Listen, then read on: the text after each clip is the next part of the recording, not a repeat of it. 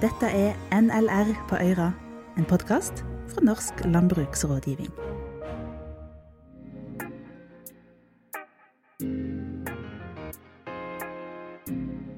Hva er egentlig ugras, og hvorfor er det så viktig å gjøre noe med det?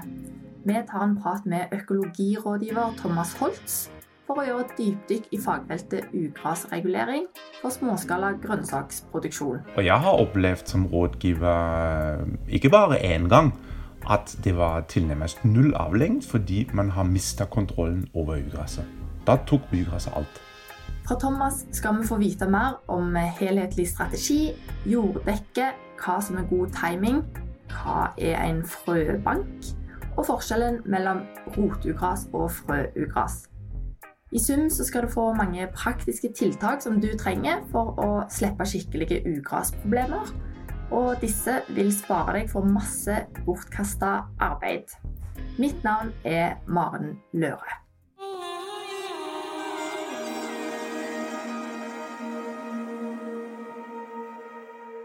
Dagens rådgiver er Thomas Holtz. Til daglig jobber han i Norsk landbruksrådgivning, hvor han gir råd om økologisk grønnsaksproduksjon.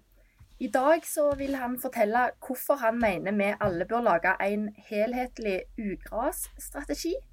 Og så håper jo jeg på å få lirka ut av han masse praktiske teknikker og nyttige tips som vil gjøre det lettere for meg og deg å dyrke disse deilige grønnsakene våre. Hjertelig velkommen eh, til deg, eh, Thomas. Hallo. Takk for uh, at jeg kan være med her i dag. Ja, det, det, er veldig kjekt at du er med, for uh, når temaet er ugras, så er du den rette personen. Du har jo sagt at du egentlig kan snakke i timevis om ugras. Det er sant. Ja. Hvor glad er du i akkurat ugras, temaet ugras? Jeg er egentlig ikke glad i ugras, fordi um, ugras er ja en utfordring i hele landbruk, og særlig i økologiske grønnsaker. Ja. Altså, ugras kan ja kreve mye arbeid. Um, det er kostbart, men det koster ikke bare penger. Min erfaring er også at det koster mye energi, og over tid også gå utover motivasjon. Altså, jeg pleier å si ugresset det ødelegger ikke bare for grønnsaker. Over tid har det også potensial å ødelegge for oss mennesker, særlig når vi blir plaga på en måte at vi må luke fra hånd, og at vi må bruke håndredskap. Og den ugrasjobben den kan være veldig slitsomt. Ja, det vil jo gi veldig bra motivasjon da, for å jobbe imot dette ugraset på en eh, måte som eh, tjener oss alle. Da skal vi gå eh, videre.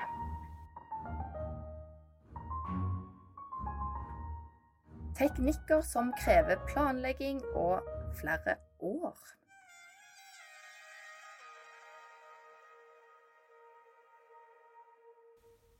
Nå skal vi prate om ugrasregulering i praksis. Hva kan man gjøre? Teknikker, råd, tips og triks. Og vi starter med de teknikkene som krever mer planlegging, altså mer langsiktige eh, teknikker. Helt konkret så håper jeg vi kan prate litt om jorddekke, vekstskifte og frøbank, som jeg egentlig ikke vet hva er. Eh, mange av disse teknikkene som vi skal prate om nå, de hjelper med å få eh, bukt på denne kveka. Og det er et rotugras.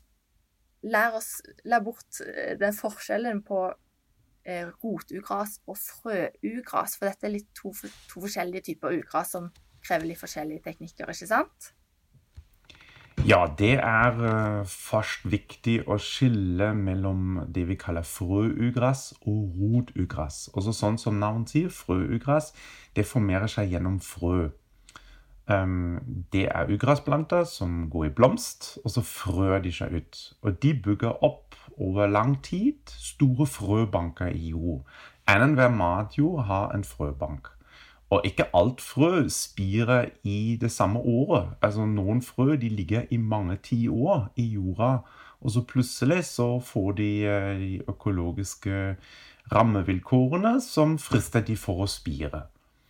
Og det frøugresset, det er forholdsvis enkelt å håndtere mekanisk eh, mens man dyrker grønnsaker. Men det som er viktig over tid, er å passe på at frøbankene ikke bygger seg opp.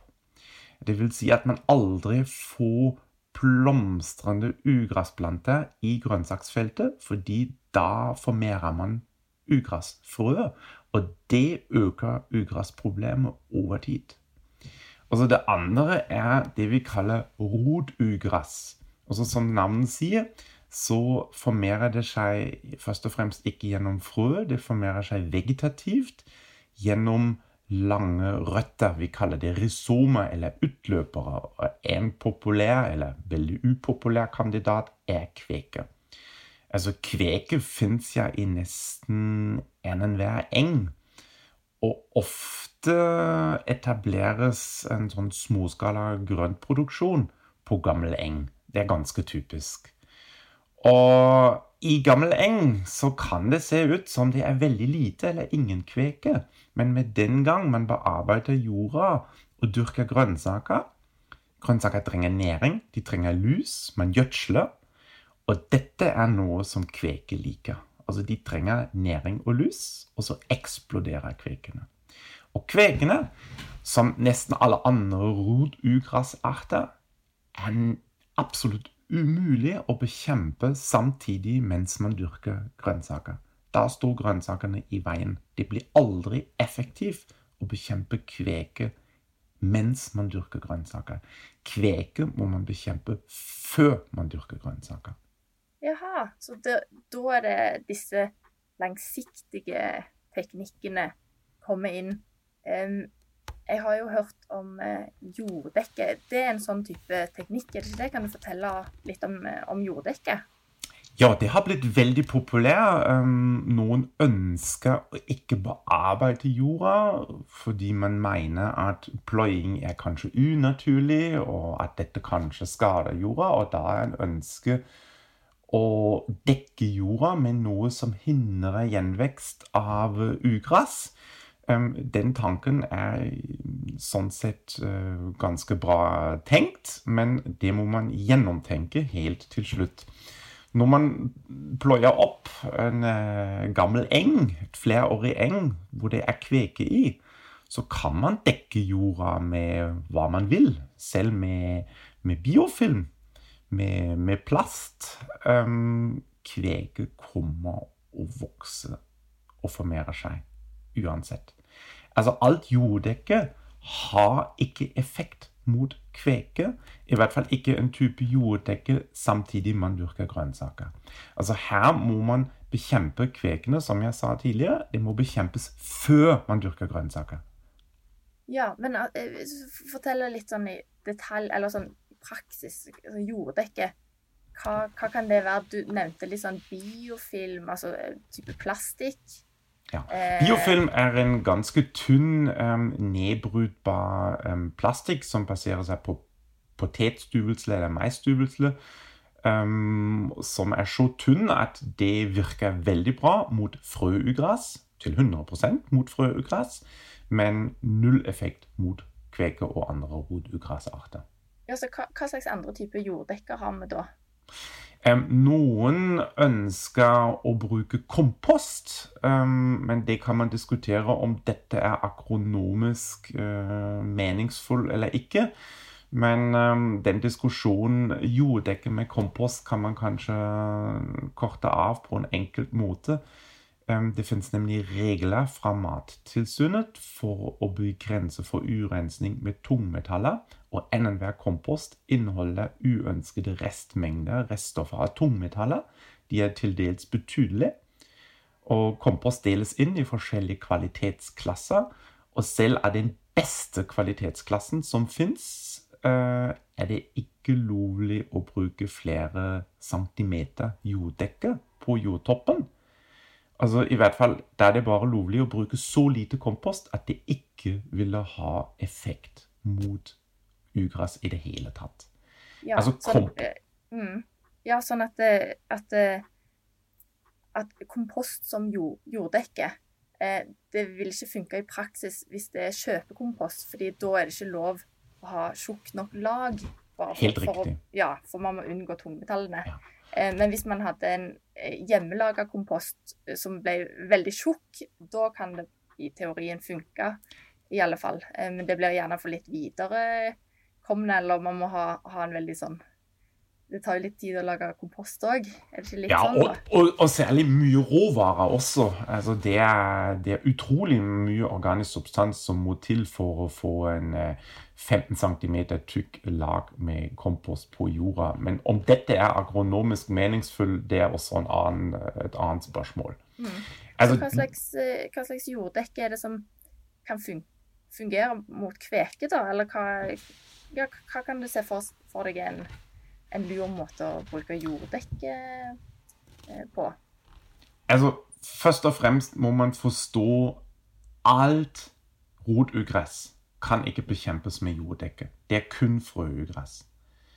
Um, det fins ett unntak. Um, svart siloplast. En tykkere plast som ikke er nedbruttbar, eller sånn vevet duk som heter Mupex. Det kan legges over jorda i et helt år for å kvele ned kveka. Altså, da dekker man faktisk eh, et eng, et gammel eng, med svart siloplast tidlig om våren. La den ligge gjennom hele vekstsesongen, over høsten, over vinteren til neste år. Og da er kvekene borte. Ja. Helt vekke? Helt vekk. Og da har man ofte noen år, fire, fem, kanskje seks år, for seg helt uten kveke. Men kveke kommer erfaringsmessig igjen, og den vandrer inn fra kantene. Altså Da er det viktig at man holder kantene rent, at man bearbeider betkantene, eller feltkantene. Og det sier seg selv at i små skala kan det være en utfordring, fordi da har vi ofte små flekker med grønnsaksjord. Og forholdsvis lange kanter. der det er mye innvandring fra siden. Eh, hvorfor var det sånn at det, at det ikke funker så bra å bekjempe kveke mens man har grønnsaker der? Altså, Kvekerøtter eller rhizomene de sitter dypt i jorda. Det er ikke mulig å bearbeide de mekanisk. Og det er heller ikke mulig å trekke de ut fra hånd. Altså, det, det, det, krever så mye tid. Da snakker vi om flere hundre timer per deka. Og det har jeg opplevd. Jeg har sett folk som har drukna i kveke.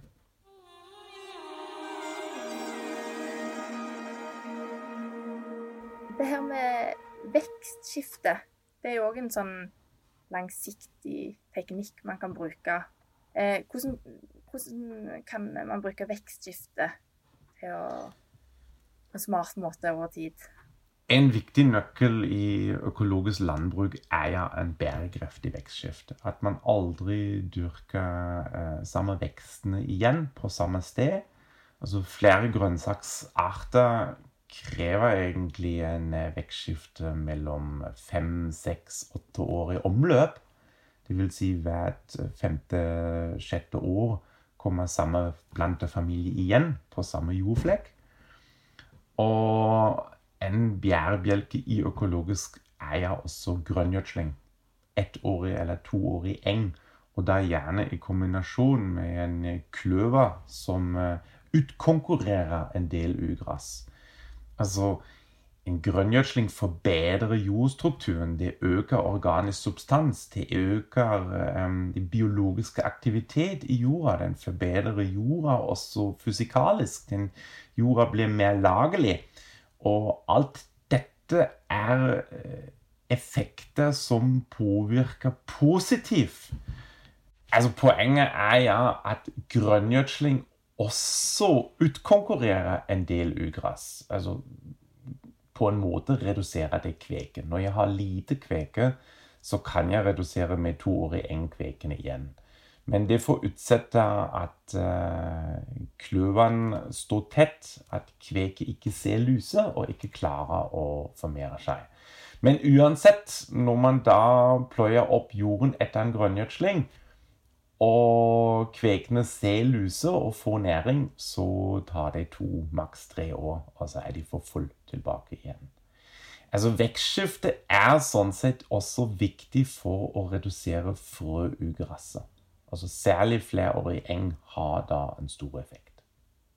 Ja, og da er det på en måte både fordi det kan fortrenge, altså utkonkurrere det litt sterkere, de, de tar lyset, eh, men òg fordi at det, det er positivt fordi det gir litt sånn fluffy jord som gjør eh, ugraslukingen eh, til en, eh, en, lek.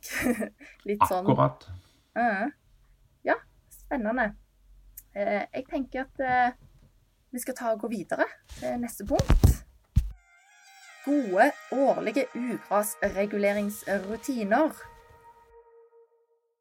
Vi skal høre mer konkrete teknikker og nå skal vi se nærmere på de smarte løsningene som en gjør hvert år, og som vil spare inn for eh, mye arbeid. Et spørsmål jeg har, er hvordan lykkes en med effektiv radrensing? Som er vel en form for luking, da. Og hvorfor er det sånn at tidspunkt, altså når man gjør hva, er så veldig viktig? Og hva vil egentlig bety det her med at noe er for seint?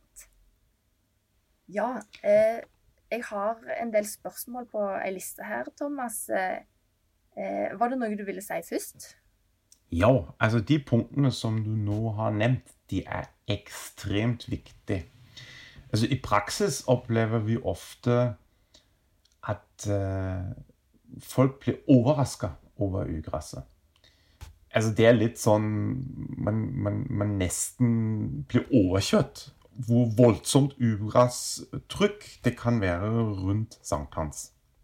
Altså rundt, rundt sankthans, da er naturens krefter på det høyeste.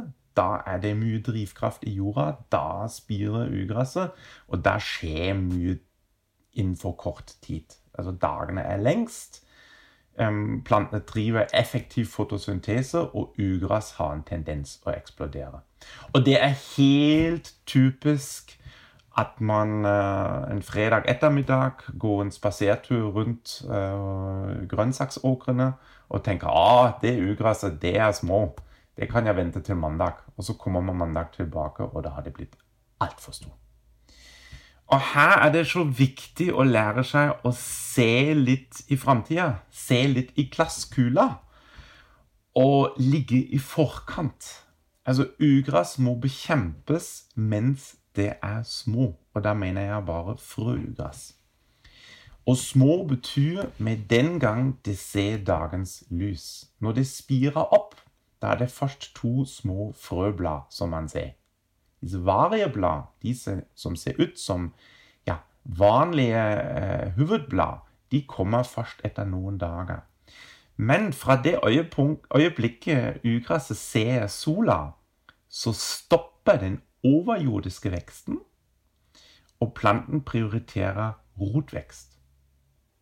Og så Etter noen dager så er røttene etablert, og da fortsetter de med overjordisk vekst. Og det er noe som lurer oss ofte. Vi tror ugresset er små, men vekster skjer underjordisk. Og når vi radrenser, eller hakker fra hånd, så er det veldig viktig at vi får vekk hele rotsystemet.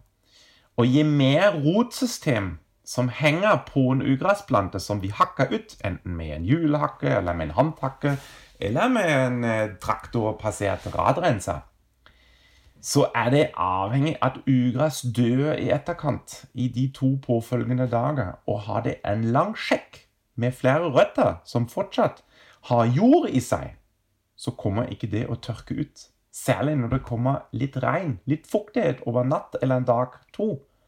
Så da overlever fort en del ugress. Men er man tidlig nok, dvs. Si rett etter oppspiring, kommer med en radrensing eller med en håndtak rett etter oppspiring, samme dagen, maks en dag etterpå, så har man uansett 100 virkningsgrad. Og ni av ti grønnsaksdyrkere, og det kan også være proffe, de er altfor seint med ugress, radrensing og hakking for å oppnå en høy virkningsgrad. Og når du tenker at du har kanskje 95% virkningsgrad Det er ikke urealistisk at det er 400 ugrasplanter, frøplanter, per kvadratmeter. Og når bare 5% kommer å overleve, det er fortsatt ganske mye igjen. Og derfor er det så viktig å radrense og hakke så tidlig som mulig, fordi kun da har du en god effekt. Ja, og, og grunnen til at man får 100% effekt, er på en måte at det, når de er så bitte små, så har de liksom ikke eh, nok krefter til å ta opp den der kampen og liksom holde fast Akkurat. i livet. Akkurat. ja. Og en annen erfaring er også når du venter litt lenge i tid, så øker tidsforbruket. Altså man mister litt slagkraft.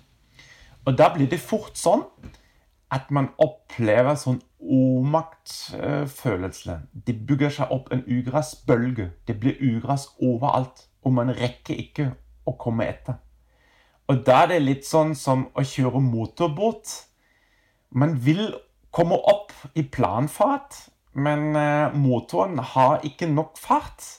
Og så baugen henger seg fast i en baukbølge, og man kommer ikke over den bølge. Og det er svært ubehagelig å ha den bølgen hele tida foran seg.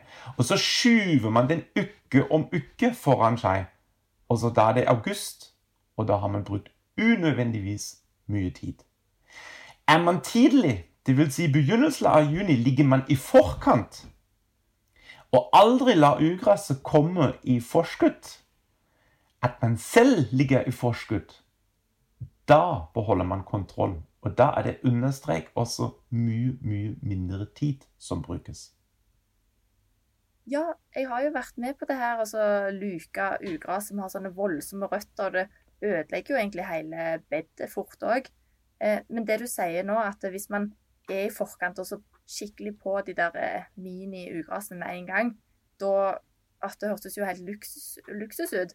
Men eh, hvor ofte er det man skal eh, kikke på bedet, og, hvor ofte er det man må gå og så eh, gjøre en sånn liten radrensing av disse minispirene? Mm. Altså, mm, Som rådgiver har jeg ja daglig med mange forskjellige gartnere å gjøre. De flinkeste de er ute hver eneste dag. De sjekker annenhver felt hver eneste dag. Og i praksis er det sånn i juni-juli, fram til 15. juli omtrent, da er det så typisk at man radrenser minst én gang i uka. Helst to ganger. Og så særlig to ganger når det er meldt en periode med dårlig vær. Før det været kommer, da må man allerede radrense. Og det kan bety at man radrenser ugress som er nesten ikke synlig. Men de mange ville tenke å, her da kan jeg vente en uke til.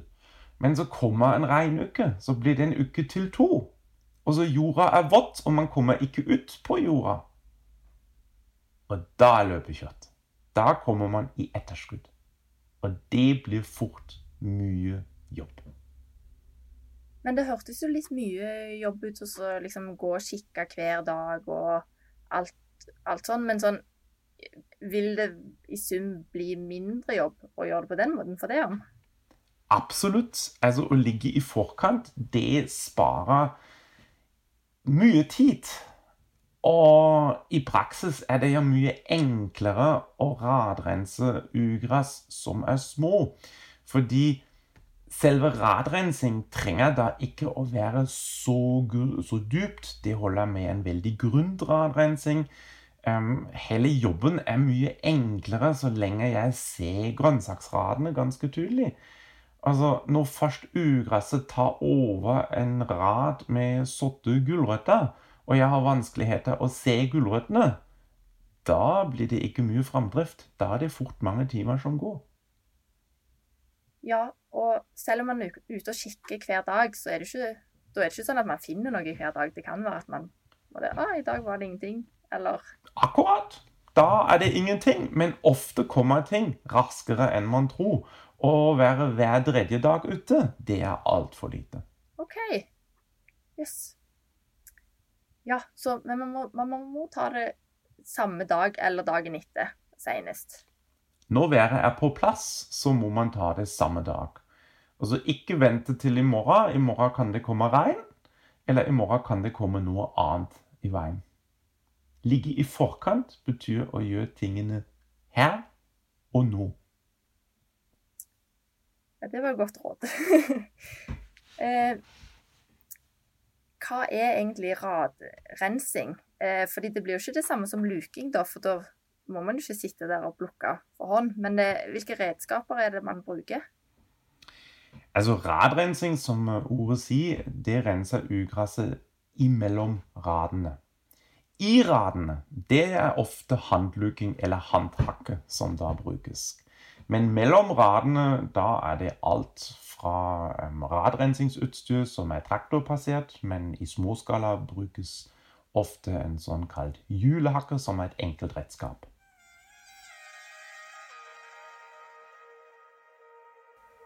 Det er en teknikk som heter propanbrenner. Vi kan gjerne ikke gå i dybden på det, akkurat hvordan man gjør det. Det er litt kjekt å bare fortelle om hva er det for noe. Ja, altså Ugressflamming eller brenning brukes mot frøugress i spirende eh, fase fram til første varige blad etter oppspiring. Og det brukes ofte i grønnsaker som er sådd, f.eks. gulrot, pastinakk, rødbete, rotpersille og sånn. Ja, så da er det på en måte at før gulrotspirene kommer opp, så tar man og bare flamme og brenner av alle, alle de bitte små ugrasene. Ja. ja. Eh, for å bruke sånn der liten sånn crème brulé-flammer, da, hvis man er hobbydyrker. Ja, de fins uh, bedre redskap enn en uh, crème brulé-brenner. Det er uten tvil. Ja. Ikke noe effektivt. uh, en ting som jeg lurer på, det er det der, uh, om det er noen tiltak man kan gjøre før man sår, altså, eller før man planter ut eh, plantene i, i, bedet. Ja, altså Det hele begynner ja med et jevnt plante- eller såbed.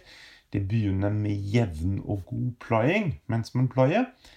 Det vil si at uh, eh, f.eks. en grønngjødsling som forgrøde må dekkes og vendes på en god måte, at det ikke blir gjenvekst av kløver eller eng fra året før.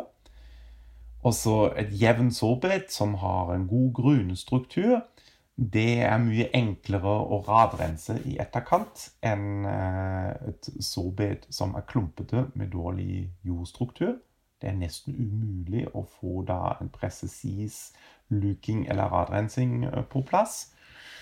Og så kan man bruke en teknikk som da heter falsk sårbed eller falsk plantebed.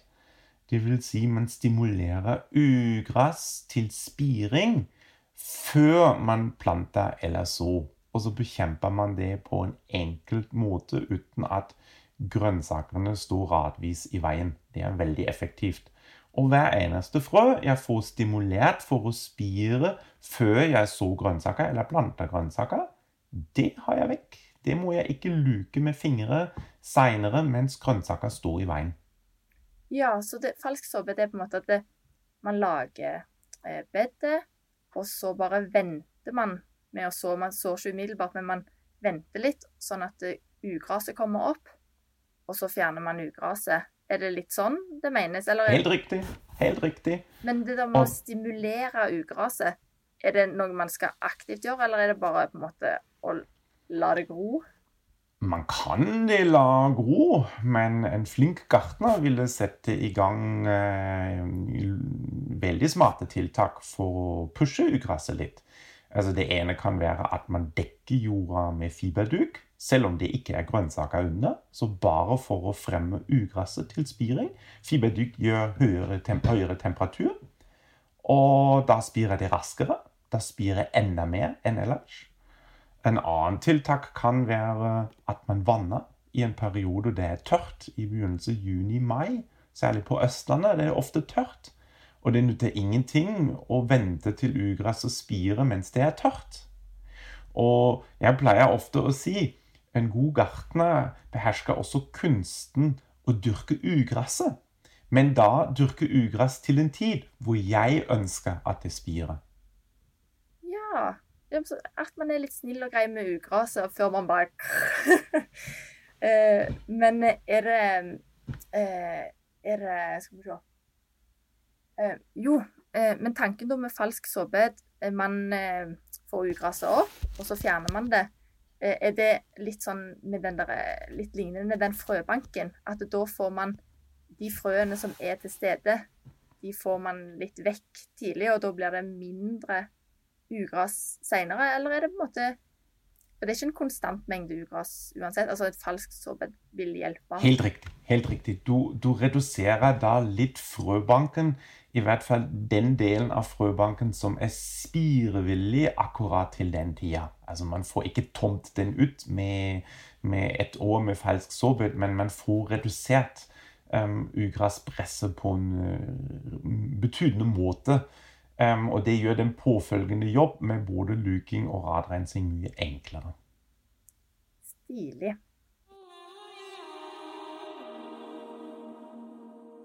Har vi kommet oss gjennom uh, de viktigste årlige rutinene nå, eller er det noe som du må få, få sagt her, uh, Thomas? Jeg tror vi har kommet til ganske mye. Vi har snakka om eh, rotugress, som skal bekjempes før man dyrker grønnsaker, og da gjerne ett eller to år før. Og så har vi snakka om eh, frøugress, som bekjempes på en effektivt måte med forskjellige tiltak, f.eks. For falsk sårbarhet eller eh, med effektiv radrensing. Vi har snakka om det som er effektiv radrensing, nemlig tidlig. Så tidlig som mulig, men den gang ugresset er synlig, og ikke vente for lenge. Altså, det er eh, mange forskjellige ting og prikker som må falle og være på plass for å få det til. Helhetlig strategi. Ja, Eh, nå har vi jo kommet til crème de la crème. Eh, eh, vi har jo lovt eh, lytterne helt i starten at eh, du skulle fortelle oss hvorfor helhetlig strategi er så viktig. Eh, aller først da så lurer jeg på hva vil da forskjellen være på de dyrkerne som har en helhetlig strategi, og de som bare holder på med enkelttiltak gjerne litt sånn slum, slumse litt og er på etterskudd. Altså, hva, hva, hva, vil en helhetlig strategi bety for en som dyrker? Ja, jeg bruker gjerne det bildet med et frokostbuffé. Okay. Når, når, jeg er tidlig om morgenen uh, i et hotell og har lyst på frokost, så foretrekker jeg å plukke fra buffeen litt etter smak og behag, og etter det jeg har lyst på i dag. Det jeg ikke liker, er eh, sånn standard eh, frokost hver morgen det samme. Og litt sånn er det også med moderne, bærekraftig landbruk. Moderne, bærekraftig landbruk er at man tar i bruk flere forskjellige tiltak som dynamiske valg etter forholdet. Og de forholdene de er ikke statiske. De endrer seg. Altså, ett år så kan det være tidlig våronna. Da må vi ta sjansen og nytte så mye som mulig av det tiltaket falsk sårbarhet. Et annet år kan det være kaldt og en lang vinter med mye regn og mye fuktighet. Da klarer vi ikke så særlig mye med falsk sårbarhet. Men da kan vi kanskje bli flinkere og radrense to ganger oftere og derfor tidligere, og få likevel veia opp litt for den ulempe at vi ikke har lykkes med falsk sårbarhet pga. en kald og våt vår. Altså, det er litt en type landbruk som ikke baserer seg på en oppskrift. At man ikke følger sklavisk et oppskrift, at man følger med i naturen. At man leser feltet, at man leser plantene og velger tiltakene deretter. Men det viktigste er å få et forståelse at ugress er et problem, og det kommer og blir et problem. At jeg ikke lar meg overraske fra ugresset. At ikke ugresset tar meg på fersken. Det må være omvendt. Jeg må ta ugresset på fersken. Og at ugresset bygger seg opp over tid, og omvendt. Det kan også bygges ned over tid. Det vil si at jeg tar i bruk alle mulighetene for å redusere frøbanker. At jeg også tar ugresset som går i stokk, som går i blomst, før den frør seg ut. Selv om kanskje grønnsakene allerede er høsta. Blomkålen er kanskje høsta, men det står imellom noen meldestokkplanter som er i ferd med å frø seg ut. Og de må jeg ta før de frør seg ut. Og da gjør jeg en kamp lang tid i forkant. Da gjør jeg en jobb som jeg sparer mange, mange timer i to-tre år etter. Mm. Og en annen ting er det forståelse at rotugress det må bekjempes med en strategi basert på en vekstskifte, med tiltak f.eks. dekke med siloplast eller brakking, eller en ordentlig vekstskifte som reduserer kveke- og rotugress før man dyrker grønnsaker. Og når jeg tar alle disse tingene i bruk, hver tiltak for seg gir litt effekt, men i summen gjør det forskjellen. I summen gjør det forskjell om jeg lykkes med ugress, om jeg lykkes økonomisk med ugress, eller om dette blir et problem som bygger seg opp over tid og blir verre fra år til år. Og akkurat dette opplever jeg dessverre. Og utfordringen er da at folk tar grep for seint. Altså, man må også da ligge i forkant og ta en evaluering av sin individuelle ugrasstrategi. Er den god? Er det muligheter for forbedring? Hvordan gjør andre det? har jeg kanskje en helhetlig forståelse av hvordan ugresset kommer fra, og hva jeg kan gjøre annerledes i min daglige drift. Og dette er tema som jeg som rådgiver jobber med daglig. Og så gode gartnere de er i en helhetlig utviklingsprosess. Altså hele gården drives kunnskapsbasert. Og driftsopplegget videreutvikles kunnskapsbasert. Og det gjelder særlig også for en ugrasstrategi.